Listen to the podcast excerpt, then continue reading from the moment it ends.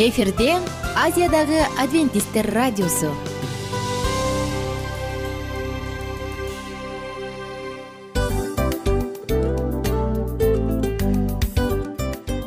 Достор салют. Баардык сүйүктүү угармандарыбызга салам айтабыз. Кутман күнүңүздөр менен. Ден соолук өмүрдүн булагы демекчи саламат саамы программасында баарыңыздарды көргөнүбүзгө абдан кубанычтабыз. Анда алгач амандашып өтөлү арбаңыздар деп. Ден соолугуңуздар кандай элибизде көбүнчө ден соолук кандай дегенде эле жакшы деп жооп беребиз э? ооруп турсак дагы жакшы дейбиз. Анан мен муну айтып ойлойт элем бул абдан сонун сөз депчи анткени бул жакшы деген үмүт да э баары жакшы болот баары сонун. Деп үмүттөнүп атып эле өзүбүздү өзүбүз дарылап коебуз. Анысы кандай? Сиздин дагы ден соолугуңуз жакшы беш деген үмүттөбүз чындыгында ден соолук бул өмүрдүн булагы деп бекеринен айтылган эмес деп ойлойм. Кыргыз элинде анткени эгерде ден соолук жок болсо анда адамдын жашоосунда калган баардык керектүү маңыздуу нерселер өзүнүн баалуулугун жоготуп коет. Ошондуктан ден соолук бул эң керектүү нерсе. Ооба туура айтасың кесиптешим. Чынында ден соолугуң жок бир эки үч күн ооруп калсаң эле э кандай болуп калат? Жашоодо көз каранды болуп каласың көп нерсеге жетишпей каласың көп нерсени кыла албай каласың жада калса эшикке дүкөнгө да чыга албай каласың. Туптуура анан ден соолук болсо демек биз биздин бактыбыз тотой деп койсок болот. Анда достор саламат саамы рубрикабызды баштайлы алдыда өзүңүзгө керектүү болгон сонун кеңештерди уга аласыздар. Мына ошондуктан биз менен бирге болуңуздар. Ал эми биз болсо милан жана айнура. Кеттик алга. Алга саламат саама ден соолуктун жарчысы. Саламат саама ден соолуктун ачкычы. Күн сайын сиз үчүн мыкты кеңештер сонун жаңылыктар кызыктуу фактылар биздин рубрикада.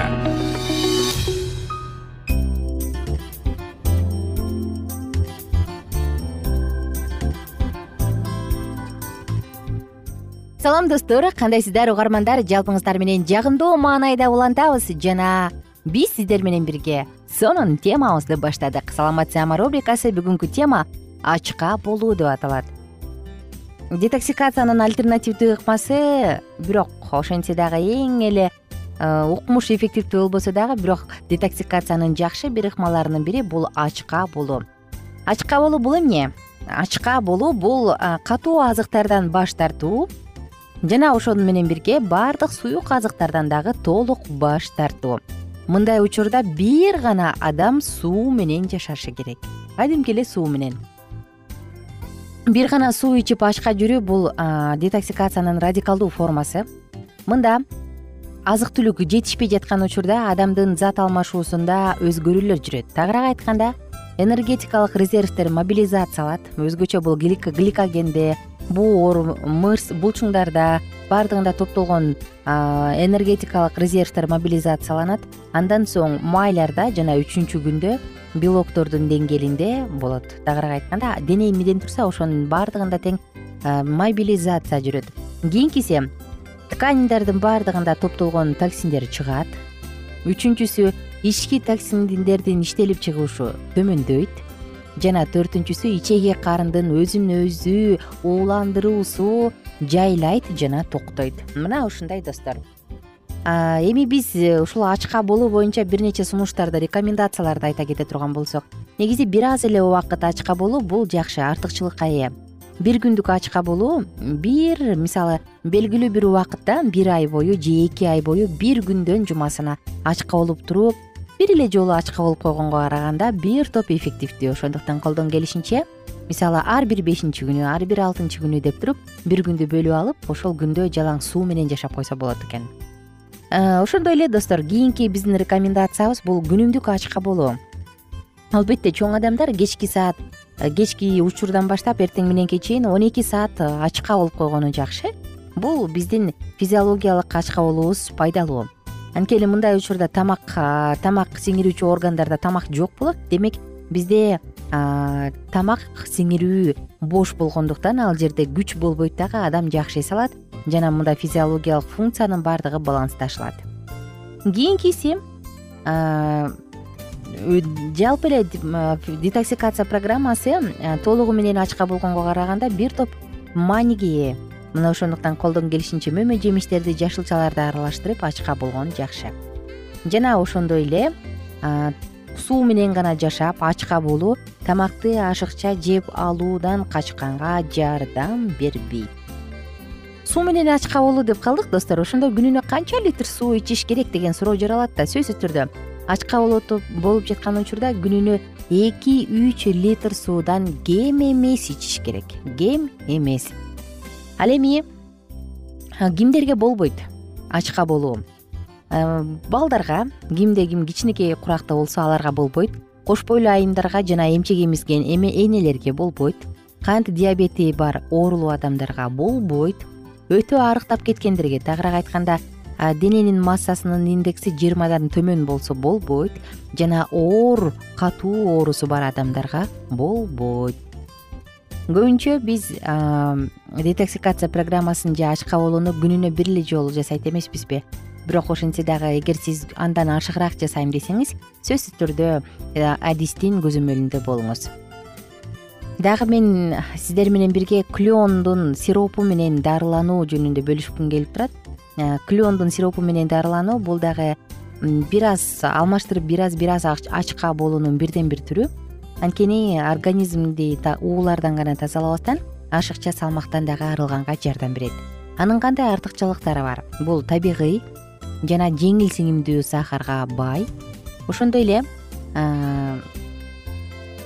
клеондун курамындагы ушул сахар жеңил сиңимдүү болгон. Адамды ачка жүргөнгө чыдаганга жардам берет. Ингредиенттер. Клеон сиропу керек. Муну деген кадимки эле сокту тазалап атайын атайын жылытып ысытып туруп анан алышат. Бул көбүнчө түндүк америкада өсөт жана клеондун бир түрү бар. Бул акерсак харум деп аталган. Дал ушул клеондун түрүнөн жасалат. Ошондой эле бизге лимон ширеси керек. Анткени ал тазалоочу касиетке ээ. Пальма сиропу керек. Колдон келишинче аны кааласаңыз клеондун сиропу менен алмаштырып алсаңыз болот. Муну тропикалык пальмалардан алышат. Мына ушундай жана бизге керектүү ингредиенттин төртүнчүсү бул каен бал калемпири каен переци Э, кимдир бирөө анын ачуу даамына чыдай албайт ал эми колдон келсе мүмкүн болсо бир аз чымчым болсо дагы кошуп койсо болот. Адамдын майын күйгүзүүчү же майды кетирүүчү касиетке ээ. Канча убакка созулушу керек клеондун сиропу менен дарылануу? Мындай жетиден он күнгө чейин дарыланыш керек жана үч күндөн ашык жасаганга болбойт негизи жети он күнгө чейин жасашат бирок э, сунуш боюнча үч күндөн ашпашы керек. Эми бизге бир стакан сууга канча канчалык деңгээлде кошушубуз керек? Бир стакан сууга эки аш кашык клеон сиропу эки аш кашык лимон ширеси жана бир чымчым кайын болгар калемпири булардын баардыгын аралаштырабыз дагы ушундай стакан суудан күнүнө алтыдан сегиз стаканга чейин ичип турабыз. Болду клеон сиропу менен дарылануунун сыры ушунда. Достор сиздер менен коштошобуз. Кийинки уктуруудан кайрадан амандашканча күнүңүздөр көңүлдүү маанайда улана берсин. Коштошом сиздер менен бар болуңуздар бай болуңуздар. Жана албетте жагымдуу маанай жалпыңыздар үчүн боло берсин. Ушул жана башка ден соолукка байланыштуу сонун материалдарды сонун маалыматтарды статьяларды макалаларды видеолордун баардыгын тең биздин сайттан көрө аласыз. Биздин сайт саламат чекит клуб сайты. Кош келиңиз жана өзүңүздүн ден соолугуңузга биз менен чогуу бирге кам көрүңүз. Достор бүгүнкү күнүңүз жеңиштүү жемиштүү күндөрдөн болсун оорубаңыздар. Биз барсак дагы төрөтканага кичинекей үй лайларды алып келиш үчүн баралы э? Бирок ооруканаларга барбайлы деген гана тилегим бар. Ден соолук сиздин байлыгыңыз ден соолугуңузга кам көрүңүз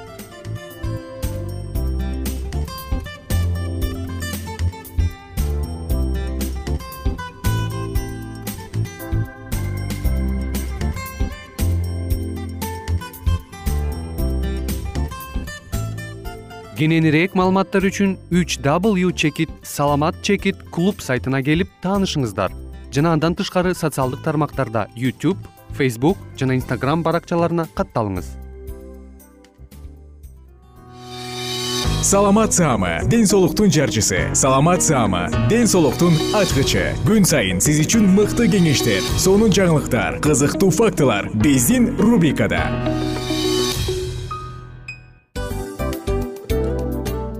салам достор. Кайрадан биздин сүйүктүү рубрикабызга кош келиңиздер деп айтмакчыбыз. Баардык замандаштарыбызга арбаңыздар деп саламыбызды айтабыз. Улуу ушундай бир урматтаган учурашуу менен анан дил маек радио баракчабызга чакырабыз. Негизи дил маек биздин рубрикабызда эмне жөнүндө кеп кылабыз бул дил маектин мааниси эмнеде рубрикабыз менен кичине тааныштырып кетсеңиз. Сөзсүз түрдө тааныштыра кетейин. Кесиптешим суранычы боюнча бул учурда бул радио баракчада биз ар тарап кесип ээлеринен сонун кеңештерди алабыз сүйлөшөбүз сырдашабыз. Аталарыбыздын эжелерибиздин апаларыбыздын кеңештерин угабыз айтор. Жан дүйнөгө адамдын э, сапатына адамдын деги эле адам болуп жашашына керектүү баардык кеңештер алдыда. Негизи э, дил маек дегенде баягы эки адамдын ортосундагы сырдашуу кенен сүйлөшүү. Негизи эле биз адамдар бири бирибиз менен бир жерге жай жерге отуруп алып өзүнчө тынч жашоо жөнүндө өмүрүбүздө эмне болуп атканын бөлүшкөнү жакшы көрөбүз э адамдар. Ооба туура айтасың анан мындай учурга кээде убакыт да жетпей келет э? Же болбосо сырыңды кайгыңды муңуңду кубанычыңды айткың келет адамга ишенбешиң мүмкүн. Ооба. А бул радио баракча угармандарыбыздын чыныгы досу. Анткени бизден алган кеңеш сиздин жашооңузга чоң жардам берет. Ал эми сиздин бизге айта турган сөзүңүз ортодо гана сыр бойдон калат. Ошондуктан биздин дил маек рубрикабызга дагы бир жолу кош келиңиздер. Жана биз даярдаган маалыматтарга даяр болуңуздар. Айнура жана милан сиздер менен бирге алдыга кеттик ар түрдүү ардактуу кесип ээлеринен. Алтын сөздөр жүрөк ачышкан сыр чачышкан сонун маек. Дил маек рубрикасында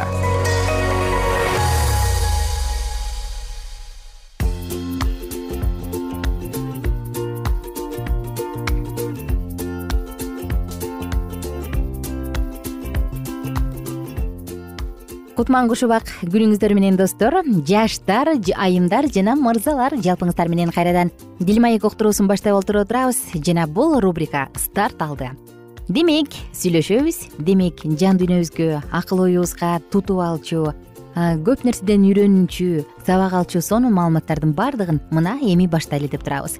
Достор жалпыңыздарга эскерте кетсек бул цикл махабат күнөө болушу мүмкүнбү? деп аталат. Мында достук сүйүү мамиле жана машаяктын артынан ээрчүү жөнүндө сонун бир маалыматтарды сөз кылабыз. Мурунку уктуруубузду эске салсам жыныстык жашоонун орду кайсы жерде? Эмне себептен ал керек? Дисциплина деген эмне? Мына ушул тууралуу сөз кылганбыз. Жана албетте бүгүн бул саатты улантабыз. Ошондуктан жаштарды өзгөчө бизден алыстабагыла деп чакырат элем анткени жашоого фундамент пайдубал салчу сонун маалыматтардын баардыгын дал ушул жерден угасыздар. Биз менен бирге болуңуздар ыйса жолундагы эже карындаштарыбыздын кийими жана жүрүш турушу жаш уландар менен эркектердин тазалык үчүн күрөшүүсүнө чоң жардам болуп бере алат. Бирок машаякчылардын чөйрөсүндө азыркы замандын батшебасы делебени козгоочу кийими менен бир эле дөөттүн эмес көптөрдүн жыгылуусуна себеп болгон учурлар кездешет.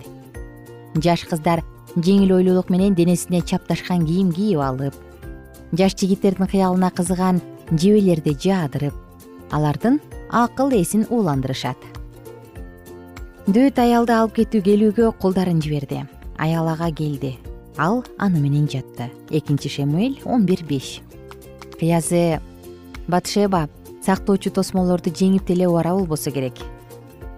Дөөт ойноштук кылууга көндүрө баштаганда ал каршы турган да эмес азыркы замандагы жаш машаякчылардын арасында сырткы дистанциянын жоктугу дененин абайлабастыктан улам жакындашуусу калжа кулжак эткен жүрүш туруш сактоочу тосмолорду талкалап күнөөгө азгырат. Жаш муундагы да улуу муундагы да көптөгөн жакшы кабарчылар шайтандын ушундай ор койгон тузактарына түшүп калып кийинки жашоолорунда теңир үчүн жараксыз болуп калышкан улуу рухий ойгонуунун жана алгачкы миссиянын баштапкы пункту болуп калган хернхуд коомунун негиздөөчүсү цинцев дор өзүнүн турмуштук тажрыйбасынын негизинде миссионердик талааларда кызмат кылган үйлөнө элек бир туугандардын баардыгына атүгүл жандардын куткарылуусу жөнүндө маселе турган учурда да аял затынан мүмкүн болушунча алыс болуу керек экендигин айтып кеңеш берген бирок бул жерде сөз өзүңдү өзүңдү атайын эле. Баягы эскичиликти бекем кармаган кысылууга дуушар кылган шарттарга коюу жөнүндө эмес. Кемчиликсиз жүрүш турушуң менен тайза мамилелердин атмосферасынын түзүү жөнүндө болуп жатат. Андай атмосфера сексуалдуулуктун стимуляциясы менен эмес кудайдын руху менен түзүлүшү керек. Эми достор биз сиздер менен дагы бир жаңы теманы баштайлы. Бул менин үйлөнүүм кудайдын эркиби деп аталат. Эң эле актуалдуу чоң глобалдуу суроолордун бири десем жаңылышпайм. Азыркы заманда машаякчылар жаш жигиттин белгилүү бир жашка келгенде үйлөнүүсүн кадыреси эле эле нерсе деп эсептешет э? Отузга чыгып калганына карабастан кызы жок болсо анда ал жигит жөнүндө сөзсүз күбүр шыбыр сөздөр болот. Же айрым камкор эже карындаштар ага жардам бериш үчүн жашыруун пландарды түзө башташат тааныштырып кудалаштырып э айтор ушуга чейин корунтуктарга жазылган биринчи каттын жетинчи бөлүмүн жөнүндө эле же үй бүлө курбоонун артыкчылыктары деген темадагы насаат уга элекмин белгилүү бир жашка келгенде жаш жигиттердин кыздарга көз салып кимиси мага ылайыктуу деп баштарын катыра башташканы кадыресе эле көрүнүш болуп калды. Эгерде ыйсанын артынан ээрчүүгө олуттуу карасак анда биздин үй бүлө куруубуз кудайдын эркиби деген суроонун жообун да олуттуулук менен издешибиз керек. Биринчи корунтуктар жетинчи бөлүмдө үй бүлө куруу жакшы туура иш экендиги жөнүндө ачык айтылган. Үй бүлө курбоонун бир гана себеби бар. Үйлөнбөгөн адам теңирге жагыш үчүн теңирдикин ойлойт бул тууралуу биринчи корунтуктар жети отуз экиде жазылган ал эми отуз бешинчи аятта пабыл өзүңдү теңирге толук арноо жөнүндө айткан так ушул нерсе жөнүндө сөз болуп жатат. Үй бүлө курбаган адам убактысын жана күчүн бүт бойдон теңирге теңирдин ишине арнайт. Ал эми үй бүлө курган адам убактысынын бир бөлүгүн үй бүлөсүнө жумшашы керек болот. Бирок бул жерде жаш жигит жоопкерчиликтен качып өзү үчүн гана жашаганга чексиз мүмкүнчүлүктөргө ээ болуш үчүн өзүмчүл ойлорунун айынан үйлөнбөөнү чечиши керектиги жөнүндө сөз болуп жаткан жок. Бул жерде өзүңдү теңирге бүт бойдон арноо жөнүндө сөз болуп жатат. Бул суроону өмүрүбүздүн кыскалыгын теңирибиздин жакын арада келерин эске алуу менен караш керек. Ушундай олуттуу фактыларды эске алып үй бүлө куруу маселесин теңирге сыйынуу менен чечүү керек. Элчи пабылдын бул катында үй бүлө куруудан баш тартуунун себептери так айтылган. Ким өз жүрөгүндө олку солку болбой бекем болсо муктаж болуп кыйналбаса чечсе ошол чечимин туура экенине көзү жетсе өз эрки менен ушундай кылсын. Ошентип кудайдын мектебинде өзүн өзү кармоону өзүн өзү тыюуну үйрөнгөндөр өздөрүнүн үй бүлө куруусу чындап эле теңирдин эркиби. Же теңир үчүн үй бүлө курбай эле коюшканы жакшыбы? Деген суроону теңирдин алдында салмактап көрүп чечип алуулары керек. Калгандарга болсо жазууда апачык кеңеш берилет. Эгерде өздөрүн кармай алышпаса үйлөнүшсүн. Кумарлангандан көрө үйлөнгөн жакшы. Андан ары бирок ойноштук кылбаш үчүн ар бир эркектин аялы ар бир аялдын күйөөсү болсун деп айтылат. Мына достор биздин суроо биздин керектүүбү деген маалымат ушул жерде болуш керек. Эгерде үйлөнүшүм керекпи же жокпу кудайдын эркиби же жокпу деген суроо турган болсо анда сөзсүз түрдө дал ушул биз окуган маалымат сизге жооп бере алат. Бул тема бүтө элек кийинки уктурууда дагы улантабыз. Ага чейин убактыбыздын соңку мүнөттөрүнө келип калгандыктан сиздер менен убактылуу коштошобуз. Бар болуңуздар күнүңүздөр көңүлдүү улансын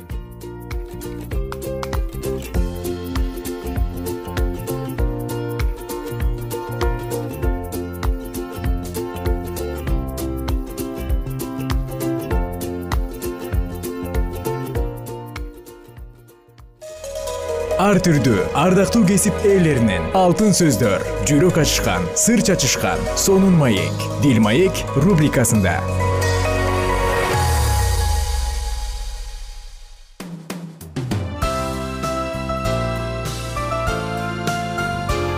Эфирде азиядагы адвентисттер радиосу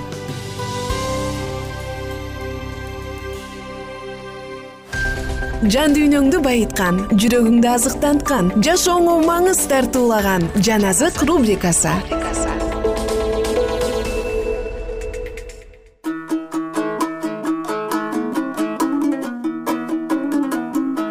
Салам достор биздин сүйүктүү угармандар. Сиздер менен кайрадан саламдашканыма абдан кубанычтамын амандашканыма кубанычтамын. Жалпыңыздар менен жагымдуу саатыбыздабыз жана бул уктуруу албетте ар бир угарманыбызга жагымдуу маанай тартуулайт деп ишенем.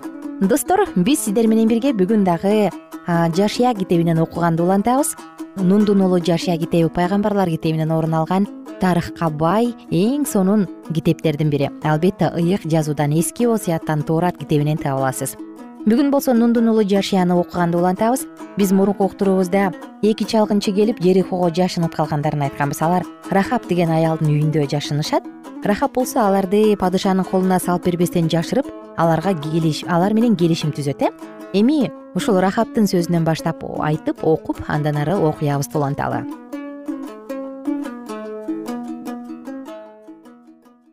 нундун уулу жашия экинчи бөлүм тогузунчу аяттан ары мындай рахап аларга мындай деди. Теңир бул жерди силерге бергенин билем. Анткени силер бизге коркунуч туудурдуңар. Бул жерде жашагандар силерден коркуп жатышат. Анткени мисирден чыкканыңарда теңир силердин көз алдыңарда кызыл деңиздин ортосун кургатканын.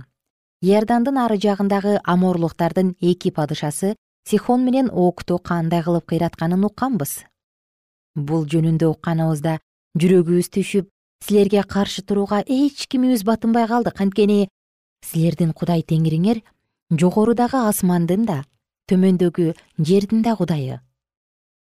Ошондуктан мен силерге ырайым кылгандай силер да атамдын үйүнө ырайым кылабыз деп теңир менен ант бергиле. Атамды энемди ага инилеримди эже сиңдилеримди жана алар менен жашагандардын бардыгын тирүү калтырып жаныңарды сактап калабыз деп мага ишенимдүү белге калтыргыла ал кишилер аялга мындай дешти. Эгерде силер бул ишибизди ачпасаңар силердин ордуңарга биздин жан кыйылсын. Теңир бизге жерди бергенден кийин биз сага ырайым жана адилеттик кылабыз. Аял аларды аркан менен терезеден түшүрүп койду. Анткени аны шаар үйү шаар дубалында болчу. Ал дубалда жашачу. Аял аларга куугунчулар алдыңардан чыгып калбаш үчүн тоого бара тургула. Силерди кубалып кеткендер кайрылып келгендиче үч күн ошол жерге жашына тургула. Андан соң жолго чыксаңар болот деди. Тигил кишилер аялга мындай дешти. Эгерде мындай кылбасаң анда биз сага берген антыбыздан бош болобуз. Биз бул жерге келгенде бизди түшүрүп койгон терезеңе бул кызыл арканды байлап кой да. Атаң менен энеңди бир туугандарыңды атаңдын бардык урук тууганын үйүңө чогулт. Эгерде үйүңдөн бирөө сыртка чыга турган болсо анын каны өз мойнунда болот. Анда биз сага берген антыбыздан бош болобуз. Ал эми сен үйүңдөгү адамга бирөөнүн колу тийсе анда анын каны биздин мойнубузда эгерде сен биздин бул ишибизди ача турган болсоң анда дагы сага берген антыбыздан бош болобуз аял аларга силер айткандай болсун деди да аларды кое берди. Алар жөнөп кетишти. Аял болсо кызыл арканды терезеге байлап койду.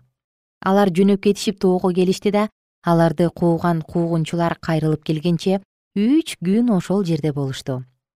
Куугунчулар аларды жолдордун баарынан издеп таппай коюшту. Ошентип ал эки киши артка кайрылып тоодон түшүп иордандан өтүп нундун уулу жашияга келди. Эмне болгонунун баарын айтып берди алар жашияга теңир ал жердин баарын бизге бериптир. Ал жерде жашагандардын баары бизден коркуп жатышыптыр деди. Нундун уулу жашия үчүнчү бөлүм. Жашия эртең менен эрте турду. Жашия жана ысрайылдын бардык уулдары шитимден чыгып иорданга келишти да андан өтпөй ошол жерде түнөп калышты. Үч күндөн кийин эл башчылар станды аралап элге мындай буйрук беришти кудай теңириңердин келишим сандыгын сандыкты көтөрүп бара жаткан ыйык кызмат кылуучулар менен лебилерди көргөнүңөрдө силер да ордуңардан козголуп алардын артынан жөнөгүлө бирок силер менен алардын ортосундагы аралык эки миң чыканактай болсун. Кайсы жол менен баруу керек экенин билишиңер үчүн аларга жакындабагыла анткени силер бул жол менен мурун баскан эмессиңер жашия элге кайрылып мындай деди. Ыйыкталгыла анткени теңир эртең силердин араңарда кереметтерди көрсөтөт ыйык кызмат кылуучуларга болсо жашыя мындай деди. Келишим сандыгын алып элдин алдында баскыла ыйык кызмат кылуучулар келишим сандыгын көтөрүп элдин алдында басышты. Ошондо теңир жашияга мындай деди. Мен муса менен болгондой эле сени менен да болоорумду бардык ысрайыл уулдары билиши үчүн бүгүндөн тартып мен сени алардын алдында даңазалай баштайм. Сен болсо келишим сандыгын көтөрүп бара жаткан ыйык кызмат кылуучуларга мындай деп буйрук бер. Иорданга кирериңер менен иорданда токтоп тургула. Жашия ысрайыл уулдарына мындай деди. Бул жакка келгиле кудай теңириңердин сөзүнө кулак салгыла. Жашия дагы мындай деди. Канаандыктарды да хеттиктерди да хибиликтерди да периздиктерди да киргиштиктерди да амоорлуктарды да жебустуктарды да силердин алдыңардан кууп чыга турган тирүү кудай араңарда экенин мындан билесиңер. Бүт жердин теңиринин келишим сандыгы силердин алдыңарда иордандан өтөт. Ысрайыл уулдарынын ичинен он эки киши ар бир уруудан бирден киши алгыла. Бүт жердин эгедеринин теңирдин сандыгын көтөрүп бара жаткан ыйык кызмат кылуучулардын таманы иордан суусуна тиери менен иордан суусу тартылат да жогору жактан аккан суу дубалдай тигилип туруп калат. Ошентип иордандан өтүш үчүн эл чатырларынан козголду. Ыйык кызмат кылуучулар элдин алдында келишим сандыгын көтөрүп жөнөштү. Сандык көтөргөндөр иордан суусуна кирери менен сандык көтөргөн ыйык кызмат кылуучулардын буту иордан суусуна тиери менен жогору жактан аккан суу токтоп саретандын жанындагы адам шаарына чейинки эң чоң аралыкка дээре дубал болуп терилип калды. Ал эми түздүктөгү туздуу деңизге аккан суу соолуп калды. Анан эл жерихонун тушунан өттү. Теңирдин келишим сандыгын көтөргөн ыйык кызмат кылуучулар иордандын ортосундагы кургак жерде бекем турду ысрайыл уулдарынын баары кургак жер менен өтүп жатышты. Бүткүл эле өтүп бүткөнчө ошондой болду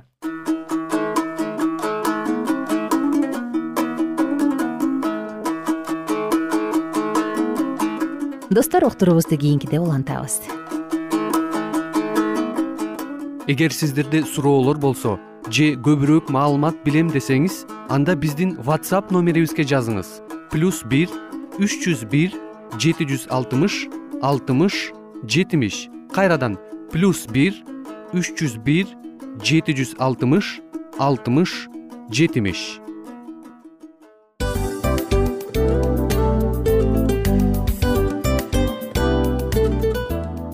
ушул менен достор программабыздын уктуруубуздун эң кайгылуу мөөнөтүнө келип жеттик. Кайгылуу дегенде ыйлагым келип кетти кесиптеш кадимкидей. Анткени баягы учурашасың анан коштошуу учур келгенде ии кантип ии эми эми бат баттан келиптир э сагындырбай деп атып араң коштошобуз го. Анысы кандай угармандарыбыз менен коштошчу учур келди кийинки уктурууларды сагыныч менен жүрөгүбүздө кусалык менен күтөбүз жалпыңыздарды анан жарым сааттык уктуруу көз ачышым канча өтүп кетти.